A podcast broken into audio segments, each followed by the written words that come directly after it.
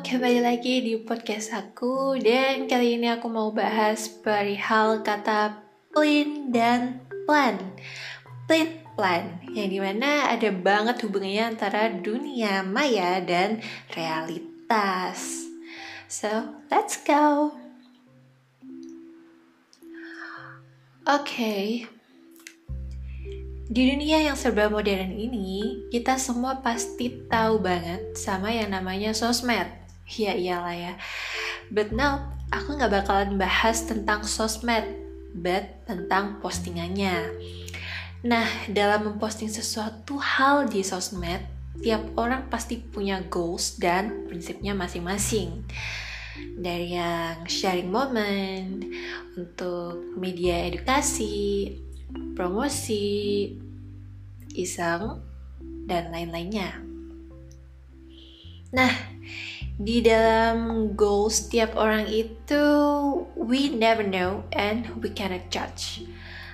Pada dasarnya seperti itu sih ya harusnya.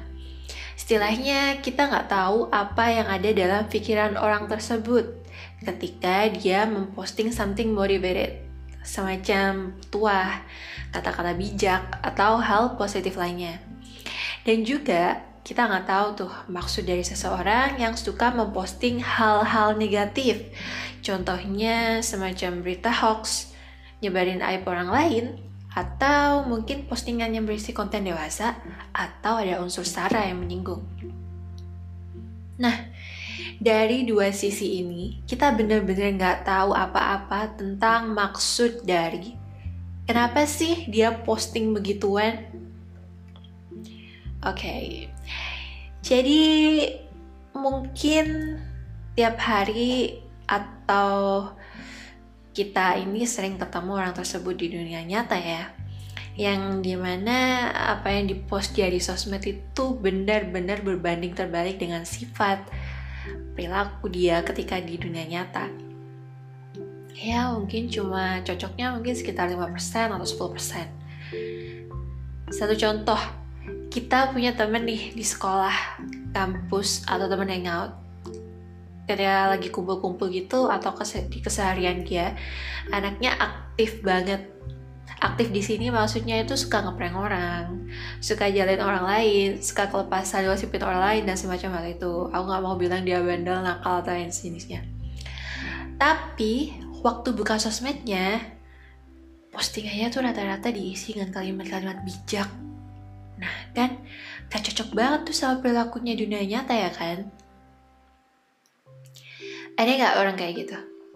Ada dong, pasti ada ada nggak orang yang juga sebaliknya, yang di sosmed ngepost hal-hal yang negatif, padahal di dunia nyata dia pendiam banget dan nggak neko-neko?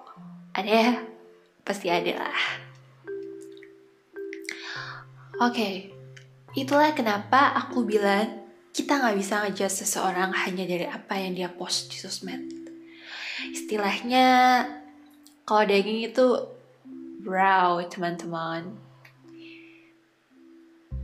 alias masih mentah. Daging mentah jangan ditelan dengan sehat.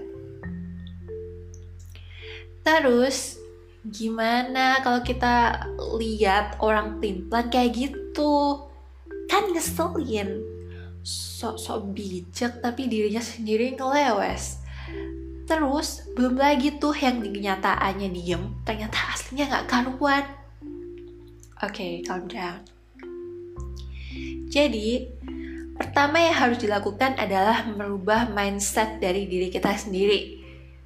Make hypothesis atau bikin hipotesa dari pertanyaan yang berseliweran di kepala kita. Kalau sulit ya positive thinking aja. Ini berat. Hanya orang-orang dengan tingkat kebaikan dan ketidakjulitan tinggi yang bisa positive thinking.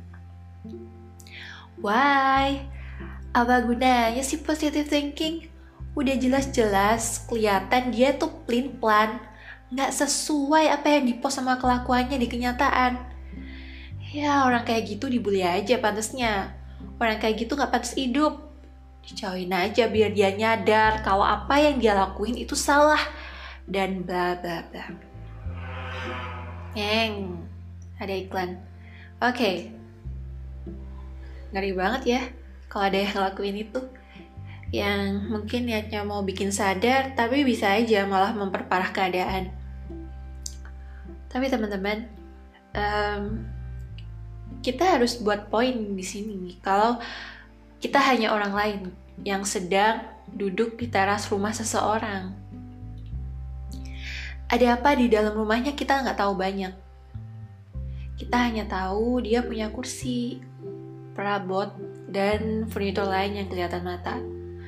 Kita nggak tahu di dalam almari dia nyimpen apa ya kan? Dia punya berangkas punya ruangan rahasia atau enggak? Kita nggak tahu hal itu. Nah jadi setelah itu kalau kalau kalian benar-benar atau kalau kita benar-benar peduli dengan orang tersebut salah satu cara yang bisa dilakukan adalah let's observe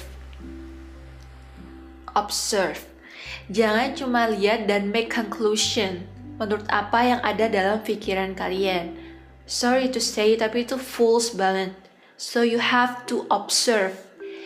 Ya, istilahnya kalau kita mau ujian, we need more references, right?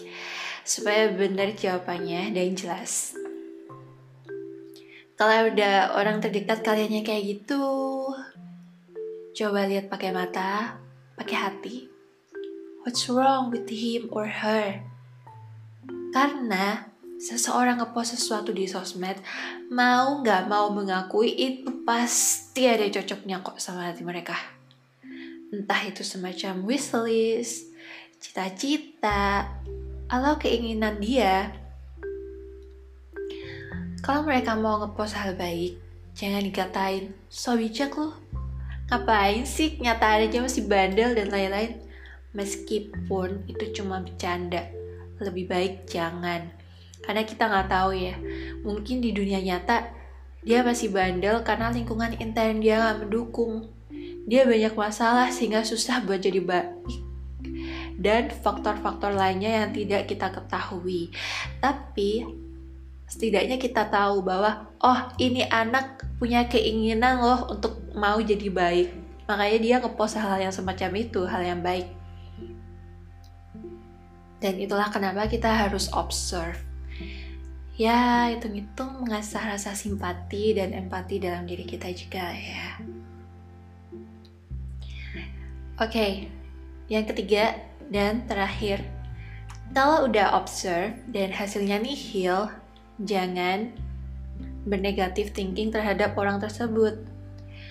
Ayolah kita delete folder netting di otak kita untuk perihal ini Kenapa sih harus di delete? Karena netting pada hal ini bisa merugikan diri sendiri. Yang mulai dari kepikiran, dari kepikiran terus jadi nggak suka sama orang tersebut, dari nggak suka terus jadi benci, dari benci jadi cinta, enggak. Dari benci jadi merasa diri lebih baik dari orang lain. Kalau udah gitu jatuhnya jadi sok benar. Nah, kalau udah jadi sok benar, ketika tahu kenyataan gak sesuai dengan apa yang dinettingin, kita gak akan bisa nerima gitu aja. Hati jadi keras. Nah, jangan sampai sih kayak gitu. Oleh karenanya, lakukan pencegahan dengan cara buang jauh-jauh namanya netting. Ah, bahasanya cakadul banget. Tapi semoga bisa dimengerti ya. Um, Aku ngomong sepanjang ini bukan berarti aku udah jadi orang benar, enggak sih. Sama sekali enggak. Bener-bener enggak. Aku bahas soal plan plan ini sebenarnya juga dari realitas dan pengalaman pribadi yang sering dijudge orang lain karena sering ngepost hal yang berbanding terbalik dengan sifat dan kenyataan yang aku lakuin. So, podcast ini lebih mengarah kepada harapan. Semoga kita bisa saling mengerti sesama, bisa saling support, dan gak gampang menjatuhkan atau ngebully.